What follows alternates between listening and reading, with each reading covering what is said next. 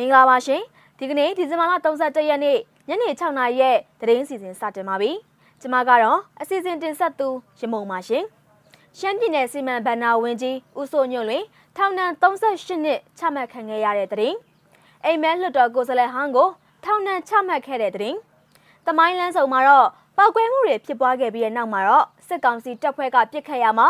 YBS ကားပေါ်မှာရှိတဲ့ခရီးတဲ့တူကြည်ထိဒဏ်ရာရရှိခဲ့တဲ့ဆိုတဲ့သတင်းတွေအပါအဝင် ပလဲမြို့နယ်မှာတော့စစ်ကောင်စီရင်တန်းမိုင်းဆွဲတိုက်ခိုက်ခံခဲ့ရတဲ့သတင်းတွေကိုတင်ဆက်ပေးတော့မှာပါ။ဦးဆုံးသတင်းတစ်ပုဒ်အနေနဲ့ရှမ်းပြည်နယ် NLD အစိုးရပြည်내စီမံကိန်းနဲ့ဗန္နာရေးဝင်ကြီးဦးစိုးညွန့်လွင်ကိုအာဏာသိမ်းစစ်ကောင်စီကမနေ့ကဒီဇင်ဘာလ30ရက်နေ့ကနှစ်ရှည်ထောင်ဒဏ်ချမှတ်ခဲ့ကြောင်းသိရှိရပါတယ်။ဝင်ကြီးဦးစိုးညွန့်လွင်ကိုတောင်ကြီးခရိုင်တရားရုံးကနိုင်ငံတော်ပုံကံမှုဥပဒေပုံမှ120နဲ့ထောင်ဒဏ်220ပုံမှ124ကကြီးနဲ့ ထောင်ဒဏ်9နှစ်နဲ့တန်ငွေကျပ်သသိန်းပုံမှ124ခါကြီးနဲ့ထောင်ဒဏ်9နှစ်နဲ့ကျပ်ငွေသသိန်းရဲနဲ့ထွေအုပ်ကတရားစွဲထားတဲ့905ပုံမှတစ်ခုစီအတွက်ထောင်ဒဏ်2နှစ်စီစုစုပေါင်းထောင်ဒဏ်38နှစ်နဲ့တန်ငွေ2သိန်းဖြစ်ကြောင်းမိသားစုနဲ့နှိဆက်သူတွေကပြောကြားခဲ့ပါတယ်။တရားစွဲဆိုတဲ့အချိန်မှာဝင်ကြီးအနေနဲ့ရှင်းနေတွေနဲ့ခုခံခြေပခွင့်ရပါတယ်။မိသားစုနဲ့ကတော့ရှင်းနေတွေစီစဉ်ပေးလို့တွေ့ခွင့်ရခဲ့တာပါ။ ထောင်ဝင်စာမပိတ်ထားရင်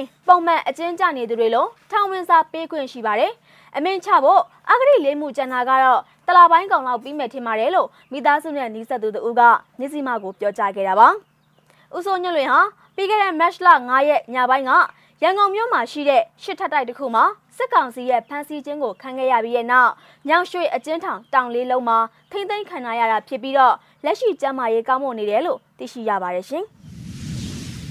ဆက်လက်ပြီးတော့အိမ်မဲလွတ်တော်ကိုယ်စားလှယ်ဟောင်းတအူကိုထောင်ဒဏ်ချမှတ်ခဲ့တဲ့သတင်းကိုတင်ဆက်ပေးပါမယ်။ AR တိုင်းအိမ်မဲမြို့နယ်မဲဆန်နာနယ်အမှတ်2ရဲ့2015ခုနှစ်တိုင်းဒေသကြီးလွတ်တော်ကိုယ်စားလှယ်မွေးရပါခြေတစ်ဖက်မတန်ဆွမ်းသူဦးအောင်ကျော်မြိုင်ကိုစစ်ကောင်စီရဲ့တရားရုံးကထောင်ဒဏ်ချမှတ်လိုက်တယ်လို့မိသားစုဝင်တွေကပြောကြားခဲ့ပါတယ်။ဦးအောင်ကျော်မြိုင်ကမတန်ဆွမ်းဆိုပေမဲ့စိတ်သက်ခိုင်ပါတယ်။ဒါပေမဲ့အလောက်ကျန်းတဲ့ထောင်ဒဏ်ဆိုတော့စိုးရိမ်နေရတယ်။ 6ရက်ခန်းစားခွင့်ရမယ်သိရတယ်လို့မိသားစုဝင်တဦးကပြောကြားခဲ့တာပါအသက်42နှစ်အရွယ်မွေးရပါခြေတစ်ဖက်မတန်ဆွမ်းသူဦးအောင်ကျော်မြိုင်ကိုတဘာဝဘေးရန်ရဲ့ဆိုင်ရာစီမံခန့်ခွဲမှုဥပဒေပုံမှန်25နဲ့မြောင်းမြခရိုင်တရားသူကြီးကဒီဇင်ဘာလ30ရက်နေ့မှာအလောက်ကျန်းတဲ့ထောင်ဒဏ်တစ်နှစ်ချမှတ်ခဲ့တာဖြစ်ပါတယ်။ဦးအောင်ကျော်မြိုင်ဟာ2015ခုနှစ်က AR တိုင်းဒေသကြီးလွှတ်တော်မှာ NLD ပါတီကိုစားပြုရွေးချယ်ခံခဲ့ရပေမဲ့2020ခုနှစ်ရွေးကောက်ပွဲမှာသူ့ရဲ့ကျန်းမာရေးအခြေအနေကြောင့် လွှတ်တော်ကိုယ်စားလှယ်ဟောင်းအဖြစ်ဆန္ဒမပြုတော့တာဖြစ်တယ်လို့ NLD ပါတီအတိုင်းဝိုင်းထံကတစင်သိရှိရပါတယ်။2020မှာလွှတ်တော်ကိုယ်စားလှယ်ဝင်မလုပ်တော့ပေမဲ့စစ်တပ်ကအာဏာသိမ်းတဲ့အခါမှာလူတို့ကစန့်ကျင်ဆန္ဒပြတာတွေမှာဥဆောင်ခဲ့တယ်လို့အိမ်မဲမြို့ခံတို့ကပြောကြားခဲ့ပါတယ်။ 2020ခုနှစ်ရွေးကောက်ပွဲမှာမဲနိုင်ထားတဲ့ NLD ပါတီကအိမ်မဲဝါခေမမဲဆန္ဒနယ်ရဲ့အမျိုးသားလွှတ်တော်ကိုယ်စားလှယ်ဒေါက်တာပြည့်ဖြိုးကိုကရင်ပြည်နယ်လေးကိတ်ကော်မြို့သစ်မှာစစ်ကောင်စီတပ်ဖွဲ့ကဖမ်းဆီးထားတယ်လို့ NLD ပါတီရဲ့တာဝန်ရှိသူတို့ကအတည်ပြုပြောကြားခဲ့ပါတယ်။ဆက်လက်ပြီးတော့တမိုင်းလန်းဆောင်ကပောက်ကွဲမှုတစ်ခုအကြောင်းကိုတင်ပြပေးပါမယ်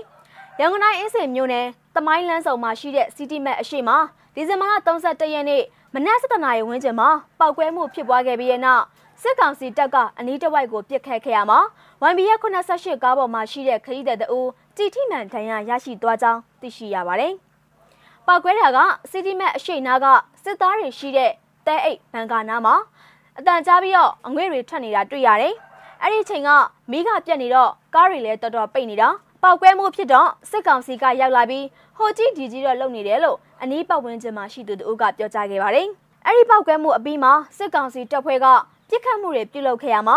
YBS ကားပေါ်မှာရှိတဲ့ခကြီးတဲ့ကောင်လေးတို့ကိုရှက်ထီသွားကြောင်းကနဦးသိရှိရပါတယ်။ဒီကနေ့မနက်ပိုင်းကရန်ကုန်မြို့အနှံ့ပြားမှာဘုံပေါက်ကွဲမှုတွေဖြစ်ပေါ်လျက်ရှိပြီးရန်ကုန်ရွှေပြည်သာတာဂေတာတမိုင်းလန်းဆောင်တောင်းကလာပ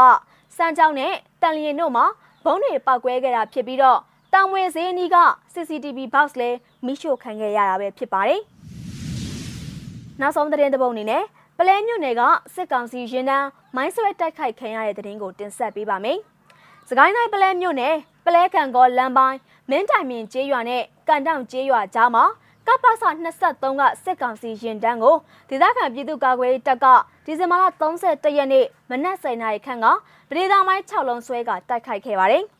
ကားတစ်စီးကိုတော့ထိထိမိမိထိသွားတယ်။ကားကဆောင်းသွားတယ်။လူထိခိုက်တာလည်းရှိနိုင်တယ်။အတိအကျတော့မပြောနိုင်ဘူးအုံနောက်ရွာနာကတောတဲတွေကိုလည်းမိရှို့သွားတယ်ကာတန်ကတော့အခုထိပြန်မထွက်နိုင်သေးဘူးရက်နေတော့မဲလို့ပလဲချွတ်က PDF အဖွဲ့ဝင်တဦးကပြောကြားခဲ့တာပါအဲ့ဒီစစ်ကောင်စီတပ်ဖွဲ့ရဲ့ရင်စည်းရေ40ကျော်ခန့်တိုက်ခိုက်ခံခဲ့ရတာကြောင့်စစ်ကောင်စီဘက်ကထိခိုက်မှုတွေရှိနိုင်တယ်လို့တိုက်ခိုက်ခဲ့တဲ့အဖွဲ့ကဆက်လက်ပြောကြားခဲ့ပါတယ်ထိခိုက်ဒဏ်ရာရရှိခဲ့တဲ့အခြေအနေကတော့အသေးစိတ်မသိရှိရသေးပဲအဲ့ဒီရှင်တန်းဟာ ကျော်မြို့ကနေပလဲမြို့ဘက်ကိုထွက်ခွာလာတဲ့ရင်တန်းဖြစ်တယ်လို့ပလဲချိုက PDF အဖွဲ့ကပြောကြားခဲ့တာပါဒီဇင်ဘာလ29ရက်နေ့ကလည်းကပ္ပစ23ရက်ရင်စီး40ကျော်ပါတဲ့ရှင်တန်းကိုပလဲမြို့နယ်ငကမတောင်ရွာအနောက်ဘက်မှာမိုင်းဆွဲတိုက်ခိုက်မှုကြောင့်ထိတွေ့တိုက်ပွဲတွေဖြစ်ပွားခဲ့ပါသေးတယ်ရှင်